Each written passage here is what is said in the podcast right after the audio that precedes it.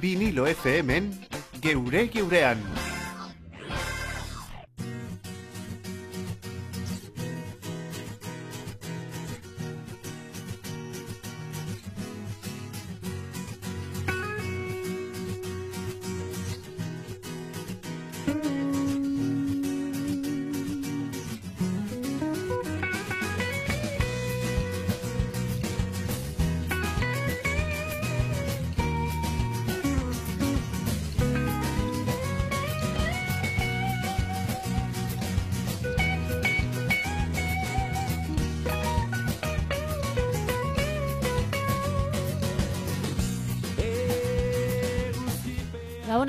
Kongi etorriak geure geurean era. Hautz desberdin bat gaurkoan, bai, aztelena, hartu diogu lekukoa iratzeri, utzi diogu deskantzatzen aburua, badakizue unibertsitateak gora eta bere ibiltzen dela. Eta gaurkoan, ba, erregina beste bi erregin etorri gara ona estudioa, eta hemen gaude prest, dagoeneko, ba, astelen ez dakit madarikatu, baina bildurgarri honi hasiera emateko gabona inara. Gabon garazi, Gabon entzuleo, bai hemen bueltan, martxoan lehenengo programa, martxoako lehenengo programa, eta bai eguraldi benetan e, txarra, eh? Zagit ez, Ez- nola, deskribatu ze baten batek lehen aurrekoan egon naiz lagun batekin, eta, bueno, ba, horrela behintzat elurra ekarriko du, da ez dakit, Bueno. elurra ekarriko ete du, eh? ze egiten duen aize honek ez dakit, Ja. baina ze modu zibili gara azte buruan. Oso ondo, Paratu izan dira, bai, hori da, izan dira gortako inauteriak, oso giro ona, e, bueno, hotza, pizka bat hotza, baina, bueno, euria zuen, zuen egin orduan ondo. Giro oso ona, e, orduan oso ondo, bai. Eta martzoari helduko diogu, gaurkoan hasiko gara hemen geure geureanen, entzule, martzoa ja gutxinaka gutxinaka gainera hasten dira, badakizue Euskaldunon agenda bete-bete honetan, hainbat egita asmo ditugula, baina gainera hasiko gara. Gaurkoan badaukagu gonbidatu berezi bat, orain aurkeztuko dizuegula, baina martzoan hainbat eta hainbat egitasmo daude dira. Gainera, e, e, martxoan ere e, ordu aldaketa dago. e, horrek beti bai, harrapatzen gaitu lekuz kanpo. Hori da, bai, bai, bai. Ni e, asteburuan bada azken e, larun bata, martxoaren azken larun bata. E, baina bai, ja martxoan eta gainera ni hori beti nago irrikitan itxaroten, ze gero apirilean nabaritzen dugu ba, bueno, argi gehiago arratzaletan orduan hori eskertzen da. Nik bildurrarekin eh, hartzen dut eh, ordu aldaketa horreri hemen askotan bizi izan ditugun ordu aldaketa hauekin. Bai, irratian, bai. Ez dakigu ja bederatzietan aterako garen, amarretan, atzeratzen dugun Eta amaika maiketan bai hor. Ez dakigu entzule, baina bueno, gaurkoan, badakizu hemen gaude geure geureanen, vinilo FM-en, gaueko amarretatik amarterdiak arte, astelenetik ostegunera esan bezala, gaurkoan guk lekukoa hartu diogu iratzeri, eta gonbidatu badaukagu hemen estudioan, orain agurtu egingo dugula, lagun artean entre amigos elkarteko kidea da bera. Eta bera aurkeztu baino lehen, aurkeztuko dizueguna vinilon gaudelako eta musika daukagulako lagun, aurkeztuko dizuegu berak aukeratutako abestia. Entzun, belarriak tente eta ia, ia ze musika garri digun gaurkoan.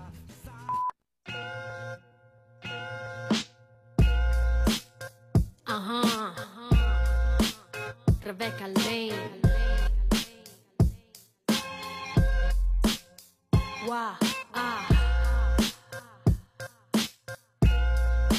Desde Guatemala.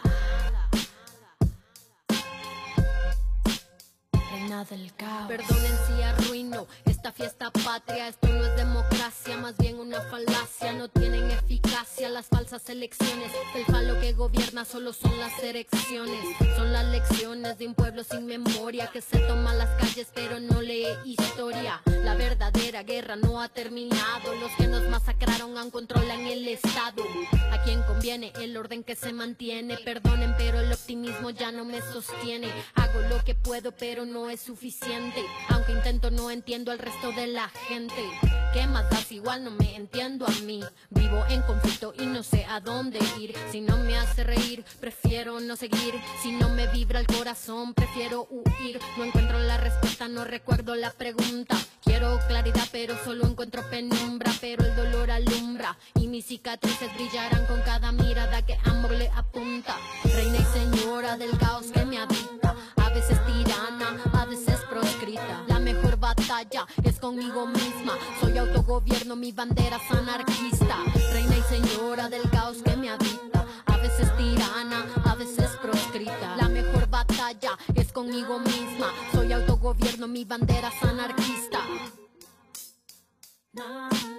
Y no voy a hacer arte nada más para complacerles. No voy a censurarme para no incomodarles. Vengo a contar mi historia, no a tener buenos modales. No vine a quedarle bien a nadie, no vine a hacer las paces. No Argita garbi dio musikak Reina del Caos entzuten ari zarete entzule Rebeka Lein ainara gaurkoan gonbidatu daukagu ne baduzu agurtu aurkeztuzuk nor daukagu Ba- geure geurean hemen Ba, ge, bueno, justo gainera e, abestia berak e, aukeratu aukeratu du, da Julen Rodríguez da e, lagunarteko elkarteko e, bueno, komunikazio arloko arduraduna eta aurkan daukagu hemen estudioan, ze, bueno, justo aurten, e, 2008an betetzen ditu hogeita bost urte urren elkartea, ezta? Hori da, gabon guztioi. Bai, e, bani entre amigos lagun artean elkarteko komunikazio arduraduna naz, eta hori ba urten hogeta bost urte betetzen ditu elkarteak, eta bueno, ba, omenaldi txikitxo bat eitearren, ba, ba zeuekin kontaktau, eta hona etorri gara pizkat berbaiten. Lagun artean entre amigos ja zentratu gara, beste batzuetan ere izan dira hemen irratian, ainarak ere ekarri ditu noiz edo noiz lagun artean e, entre amigos elkarteko kideak, baina hauek esan duten bezala, hogeta bosgarren urte hurrena ospatzen da biltza, urte honetan zehar ospatuko delako, naiz eta Julenekin hitz egin dugun bezala ez, urte urte, hogeta bost urte luze horietan egindako bide horrek, suposatzen dut, lanerako espazio asko eman dituela, egitasmo asko, ez dakit labur biltzea erreza, eta den nola egingo duzu urte honi aurre, zer egingo duzu 2008 honetan? Ba, mi- 2008 honetan azkenean, ba, urtero bezala, e, Guatemalan egiten dugu lan e, garapenerako lankidetza bitartez, eta bertan ba, e, beste elkarte desberdinekin, ba, hainbat ekintza prestatu ditugu, e, adibidez e, mantxoloia elkartekoekin, eta bueno, eurekin ba, taier desberdina, gero erakusketak bai bertan egingo ditugu, eta bueno, gero nire igual nire arlo hurbilenagokua da e, hemen Euskal Herrian egiten dugun edo Euskal Autonomia Erkidegoan egiten ditugun ba, ekintza guztiak, ez? Aurten eukiko doguz e, tailerrak, bai bai, eukiko doguz hemen algortan bertan gaztelekuan hainbat ekintza, eta bueno, e, esposizioak be bai, justo gaur bertan ipini dugu gaur goizian ipini dugu leioako emakumen etxe berria dan lehen espazioan ipini dugu erakusketa, Eta bueno, ba, ba oso posik lan handiarekin, oin bebai proiektuak prestatzen, proiektu berriak prestatzen, onduan, orduan, ba bueno, lan da lan eta eta oso gustora. Lan da lan, hogeita bost urte, konta iguzu apur bat, e, bal- baldin badaukagu lan despistaturen bat, lagun artean, gainera ipatu duzu algorta, orduan algortan kokatuta dago lagun artean elkarteko egoitza, nortzuk zarete, badakigu Guatemala herria oso presente daukagula, baina holan laburtzeko apur bat, zer da lagun artean? Ba, lagun artean azkenean, e, oindala hogeta bost urte, ba, lagunen, justo lagunen artean eindako e, Guatemalarako bidai baten ondoren, ba, elkartu, e, bidai hitz egin zuten, eta pentsatu zuten, e, hango egoera edo han bizitakoak hobetu behar zirela. Eta hobetzeko lan horretan, ba, elkartea sortu zuten, entre amigos lagun artean izena ipini, eta hortik aurrera, ba, esparru desberdinetan poliki-poliki lanean sartu, sartu ziren. E, horregatik badakaguz hiru hildo lan hildo nagusi, ez, izango litzatekela garapenerako lankidetza, gero baita gizarte eraldaketarako hezkuntzako e, atala eta azkenik ba patojas ikasketa beken beken proiektua. Orduan, Julen, ja gure entzuleok ere e, zentratzeko, batez be lan egiten duzue Guatemalan, kanpoan Guatemalan. Hori da, Eta ze Guatemalan. gauzak egiten dituzue, ze, bueno, asko, e, igual desaten zue elkarte edo ONG horrela, e, eta igual jendea uki, ikutzen du batzutan ideia, ba, bueno, e, ideia pizka bat e, errotua, eh? orduan, pizkat zentratu ber ze gauzak, ze gauzak egite, ze ekimenak egiten dituzuen Guatemalan. Ba, Guatemalan e, hasiera baten e, elkarte hasi izan e, ba, soberanotasun lanen e, barne eta bueno, ba, poliki poliki ba, aldaketa txiki bat e, egon zan elkartean eta eta bueno, ba, emakumeen e, empoderamiento famatu horren alde e, lanean hasi ginen, vale? E, proiektu desberdinekin lanein da, ba, lortu nahi duguna da bertako emakumeen egoeria, ba, gero eta hobiagoa izatea. Ba, horretarako ematen dugu e, tailerrak, egiten dugu e, kintza desberdina, islari ezberdinekin, gube bai bizitak egiten dugu ba, hemengo egoeria bertan zelakoa dan e, ikusteko, eta baita ba, gure esperientziaz, edo elkarteko emakumien esperientziaz, ba, e, nutritu, ez? Eta orduan, ba, horren alde, emakumien alde e, eitia. Beraz, hitz egiten ari gara bertan. Bertan esaten dugunan, ulertzen dut Guatemalan. Hori da. Guatemalara egiten dituzuen bizita, Guatemalan elkarlanean. Eta hemen, e, gutxinaka gutxinaka ulertzen ari gara, hogeta bost urte daramatza zuela e, landalan, elkarlanean, laguntalde horrek e, ikusi zuen Guatemalarako bidai horretan, ba, behar izan bat zegoela ez, eta orain sorionez, demagun, elkarlan horretan egin daitezke hainbat eta hainbat lagundu daiteke. Nire galdera da zen batzuek osatzen duzue lagun artean, ari garelako emakume pilo bat aipatzen, edo bueno, ni ari naiz horrela buruan bueltak ematen pentsatzen zemotatako familia izango eta den lagun artean, bai Guatemalan dauden familia zein hemengoa, nortzuek osatzen duzue lagun artean? Jo, ba, azkenian lagun artean da, e, lantalde txiki bat, baina esperientziaz eta eta bizipenez ba oso, oso beteta dauen lantalde bat. E, ekipo barruan gauzenak, ba, izango, zan, e, izango ginen lau pertsona, hiru emakumeetan mutia izan da ba, laugarren bat, eta gero dakaguz, e, patojas ikasketa beken proiektu barne dauzen, beste e, laukote bat, emakumeak diazenak, eta eurek borondatez, ba, lan egiten dabela proiektu hau aurrera eramaten. Eta gero bertan Guatemalan, ba, elkarte ezberdinetako, ba, soziak gure, gure lanean, gurekin lanean egiten da bezala. Julen, komentatu duzu patojas ikasketa beken proiektua, e, bueno, lagun arteko elkarte hasi eh, zenetik, hasi zen e, beken proiektu hau, ez? Konta duzu e, zertan datza. Jo, ba, guk printzipioz, ba hori, lehenengo proiektuetariko bat hori izan zen, eta ba, bizipenez eta sentimendu handiz horretaz egiten dugu berbaz, azkenian, ba, proiektu oso luzia izan da, eta benetan oso interesantia. Azkenian, ba, Guatemalan e, aurrera, emat- e, aurrera eramaten dugun ikasketa beken proiektu bat da, eta honen barne, ba, eskuntzaren eskubideak eta horrekin konpromesua duten pertsonek emandako borondateaz, ba, bertako emakume gaztiak zein nagusi hauak ikasteko aukera izaten dute. Orduan, bazkenian hori, ba, borondate hemendik bidalitako, borondate txiki, txiki batetikan, ba, han lortu aldogu, ba, jente, jente asko kasu honetan emakumiak eta, em, bueno, neska gaztiak eta emakumiak ikasteko aukera izatean. Eta hitz egiten ari gara Guatemalaz, nik orintzu hortan ez dakit eh, herriaren dimentzioa zenbaterainokoa den, baina txikia ez dala badakigu. Zelan egiten duzue Guatemalaz hitz egiten ari garenean, bai Guatemalako sektore desberdinetara heltzen zarete, behar izana dagoenetara, nola, nola kudeatzen da hori lagun arteanetik? Ba, kudeak eta azkenian e, taldeko emakumiak eramaten dabe eta basiera baten hasi izan ba, holan bertan bidaiak iterakuan ba, gentien artean e, hitz egiten eta pentsatzen ba, jo, ba, hemendikan laguntza behar dugu, bestetikan be bai eta holan hasi izan dana, baina oin jadakaguz ba, kokatuta e, espazio finko batzuk eta bueno, gehien bat solo lan finkatuta gaude han Guatemalan eta bertako ba, eskola eta patoja desberdinekin lan, lan egiten dugu. Azkenian, e, datorren urtean proiektu honek be bai, hogeta bost urte beteko, beteko ditu, eta azkenian, ba hori, ba, prozesu izan da, e, poliki-poliki egindako gauza bat, baina oso, oso potentia. E, lehenengo urtean, hogei beka bakarrik e, emateko aukera izan genduan, baina bueno, urteak pasa hala eta elkarteak bertan egiten zauen lana ikusita eta jentiak ezagututa, ba, urte askotan e, irureun beka ematera heldu izan gara. Orduan, gure partetikan ba izan da, ba, oso polita. Aurten adibidez, e, pizkatxo bat jeitsi izan dugu beka, beka emate hori, baina bueno, egun da irurogeta malau pertsonak e, jasoko dabe beka hori, eta azkenian euneko laro bat koma bosta emakumeak eta neskak izango dira orduan, ba, parte horretikan ba, gauz oso, oso posik. Eta azken finean, agian oso ohitua gaude, ohitu egia kupuruari begiratzera, baina kalitatea bermatzea izango litzateke, ez? E, beharrezko hau da, laguntza hori heltzea, laguntza horrek heldu ostean jarraikortasun bat izatea, ez? Konta eguzu nola dena probat beka horren prozesua. Jo, bazkenian, e, guk harremanetan jartzen gara bertako, osea, bertan dakaguz, eskola desberdinetan arduradun batzuk, eta horrek izaten dira normalian enkargauak e, ba, gazte guzti hoien prozesuan, ez? Orduan, e, hasiera ematen da ba, behar daben gentia edo gaztiei behar dabenak e, beka jasotzen dabe, eta hortik aurrera, ba, ahal eta urte gehienetan e, mantentzen saiatzen gara.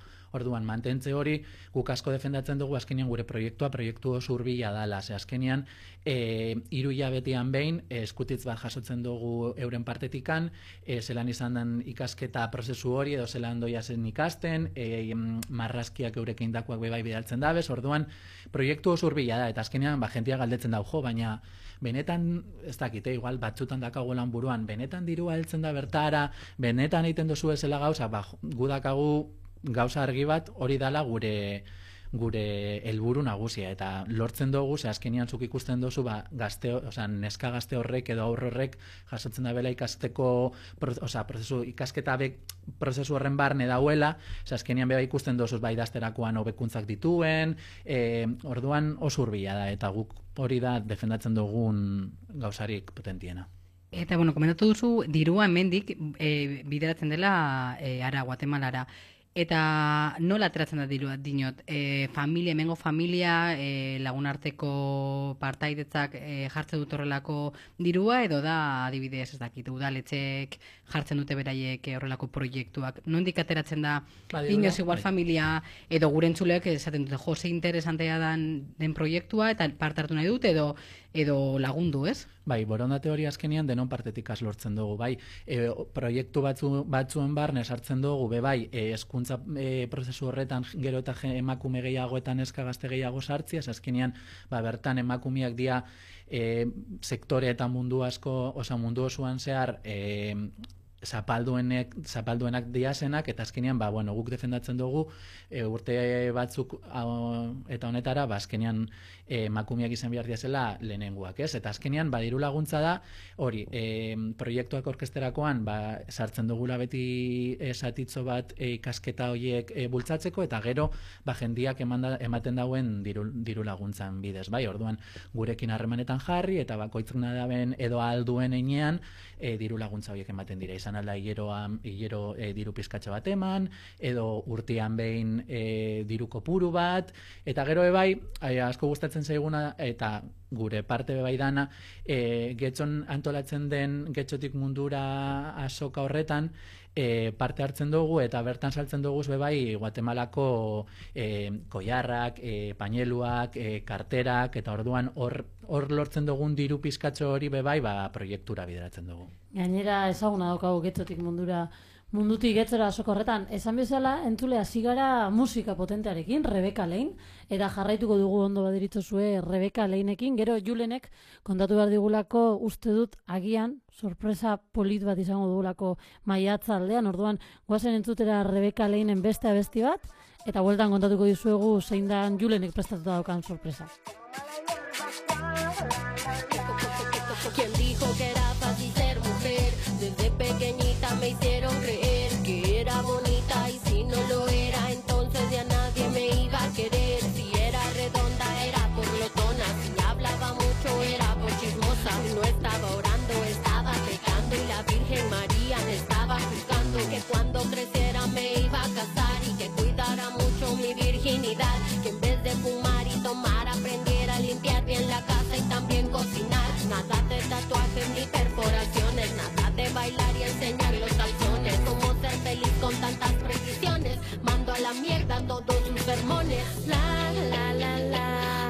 La. Hago lo que quiero porque puedo, porque soy así. La la la la. Me dicen mala hierba porque nunca me dejé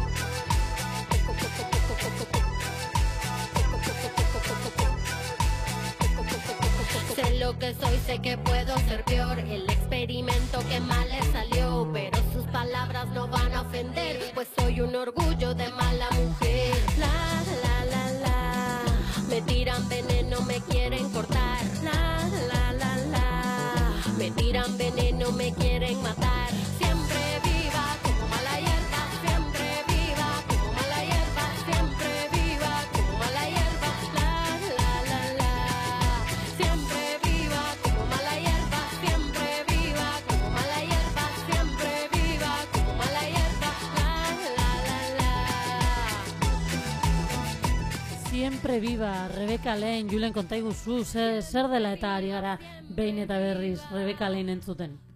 Bueno, ba, aurten bere bizita izango dugu gurekin, eta bueno, ba, azkenian, eh, hainbat eh, hip-hop tailer eskaini ostien, ba, bera eh, bueltatu aurretikan, e, maiatzaren bian, sarean espazioan Bilboko alde zaharrean izango dugu bere kontzertu estelarra edo diot aurten daukan hemen Euskal Herrian lehenengo kontzertua eta bueno, ba, badanak gonbidatuta zaudete bertara gerturatzen, izango da maiatzaren bian, eta sortzirak aldera, arratzaldeko sortzirak aldera, sortzirak, sortziterdi, hor dakagun diokan mm -hmm. iztiarren.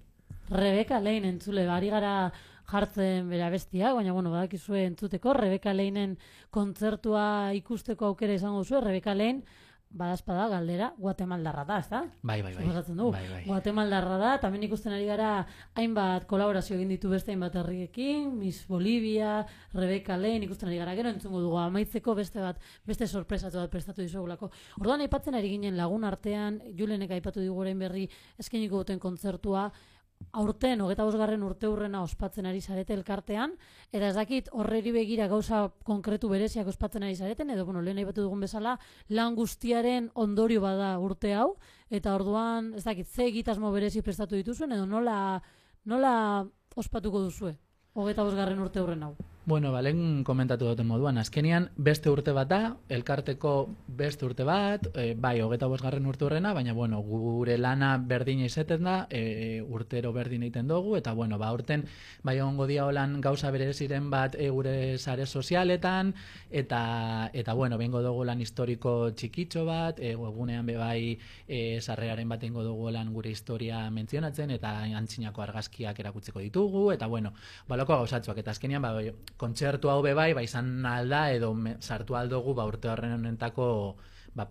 holan gauza berezi berezi moduan, baina bueno, urtero bezala lanian, proiektu ezberdinak aurkezten eta dana ba alik eta hoberen egiten eh emaitza be bai, ba gero eta positiboak izateko.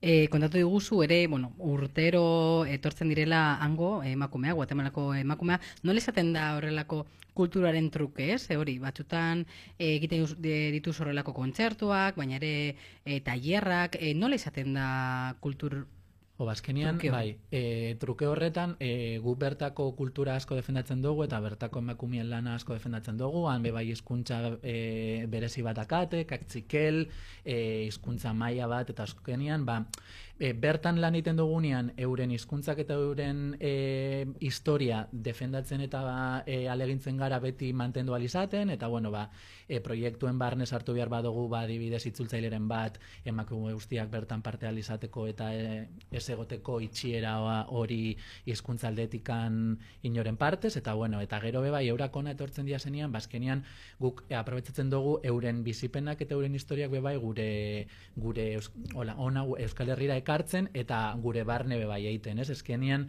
bai emakumeen egoeria bai izan alda e, lurraldez desberdina, baina baina izaeraz horrek indarrak eta horrek e, gauzak berdinak dira. Eta orduan, ba, bueno, ba, horren alde, ba, ekartzen dugu aurten bai Kristina Txikin etorriko da, izaten dela bera e, argazki kasetarian bertan Guatemalan, e, gurekin argitaratu izan du bertan e, liburu bat, ona bai ekarriko duela orkestera, eta bueno, ba, erakusketa hau lehen mentzionatu duten lehioako erakusketa, ba, beran, berana da, eta bueno, ba, oso posi gaude, bazkenian, da, e, dia argazkiak ikustia, baina ikuspegi berezi batekin eta emakumien alde danak.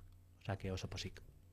Beraz, lagun artean, entre amigos elkartea, entzule, algortan. Botako diogu e, jendeari anondo kasuen egoitzaz, e, gerta daiteke heldu berri e, dagoen guatemaldar batek, ba, agian, ez dakit, familia urbiago senti dezakela agian entre amigos elkarte moduko batean, eta lagundu dezake, agian baita ere, orduan, suposatzen dut irekiak zaudetela bai, bai, bai. jendearen kolaborazioa, orduan, zango diegu entzuleia non zaudeten kokatuta?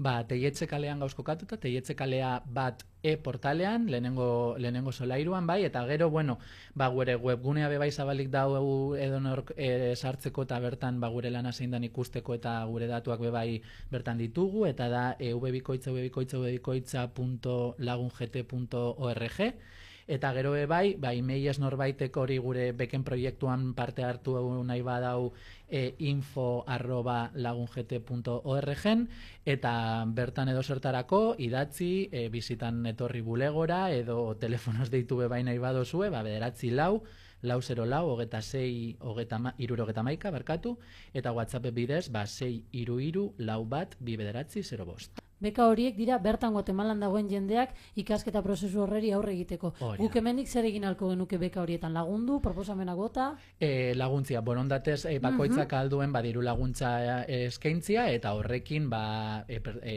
gazte bat e, lagundu ahal izango dozu ba, ikasketa, bueno, gazte bat, bi edo aldik eta alik eta gehienen ba, hori hezkuntza prozesu horretan ba, parte, parte izatea. Eta agian e, borondate horiek, ba, bueno, getzotik mundura, mundutik getzora bezalako asoka batean lagundu alko lukete bolondrez gisa, da, bueno, nik uste dut zuk bilatuko diezuela zertan egi, zertan lagundu, ez? Hori da, hori da, bai, bai. Gure, gure bulegora edo gure medioetatik kontaktuan jarri eta ahal- ahalik eta gauza gehienen laguntzea ba nahi dugu, así que bueno. Badakit ere sare sozialetan e, zaudela, zaudetela hor e, Instagramen, Facebooken ere, Bai, hori da, Facebooken gaude et, e, izena ba, elkartekoa dana, entre amigos lagun artean, eta e, Instagramen dakagu bai e, horria, eta bueno, izango zan, lagun artean, entre amigos dana elkarrekin. hori da, ze igual gure entzuleok nahi dute e, begiratu argazkitzoak. Kuskuseatu hori da. Hori da. Bai. Julen Rodríguez, komunikazio arloko lagun artean elkarteko komunikazio arloko arduraduna. Placer bat izan da.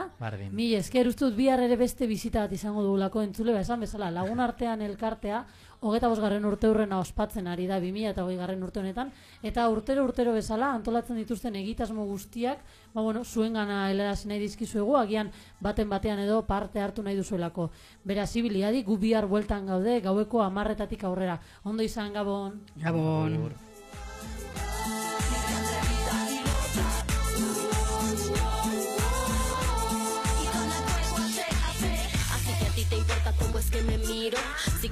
se me sale el ombligo. Si estas panties me quedan muy apretadas Si mi cabeza siempre está despeinada Que si traigo muy corta la falda Que si bailo como me da la gana Que las ladies no usan malas palabras Que la mente y la boca cerrada Solo la abres para hacerme mala fama. Lo que pasa es que no estoy acomplejada. ¿Cómo crees que te ves siendo tan soez con otra mujer? ¿Te sientes libre? Libre la que ríe, la que gime, la que grita. Vinilo FM en Geure Geurean.